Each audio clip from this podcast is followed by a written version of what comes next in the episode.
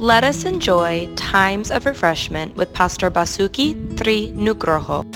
Shalom, Mazmur 57 ayat 2. Kasihanilah aku ya Allah, kasihanilah aku. Sebab kepadamu lah jiwaku berlindung. Dalam naungan sayapmu, aku akan berlindung sampai berlalu penghancuran itu. Diyakini bahwa Daud menulis Mazmur 57 saat ia melarikan diri dari Raja Saul yang memiliki kebencian dalam hatinya terhadap gembala muda itu. Daud merunduk ke dalam gua dan nyaris lolos dari pengejarnya.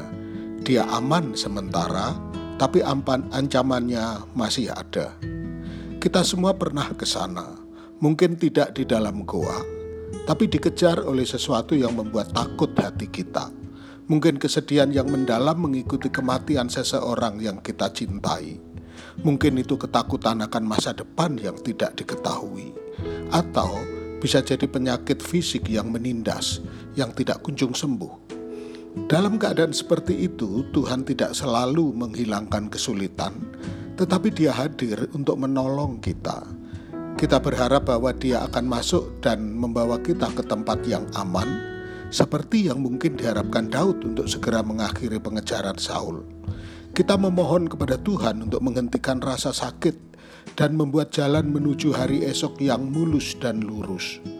Kita memohon kepadanya untuk menghilangkan perjuangan kita, tetapi kesulitannya tetap ada. Saat itulah kita harus berlindung kepada Tuhan, seperti yang dilakukan Daud. Saat bersembunyi di goa itu, dia berkata, dalam naungan sayapmu aku akan berlindung. Tuhan memberkati.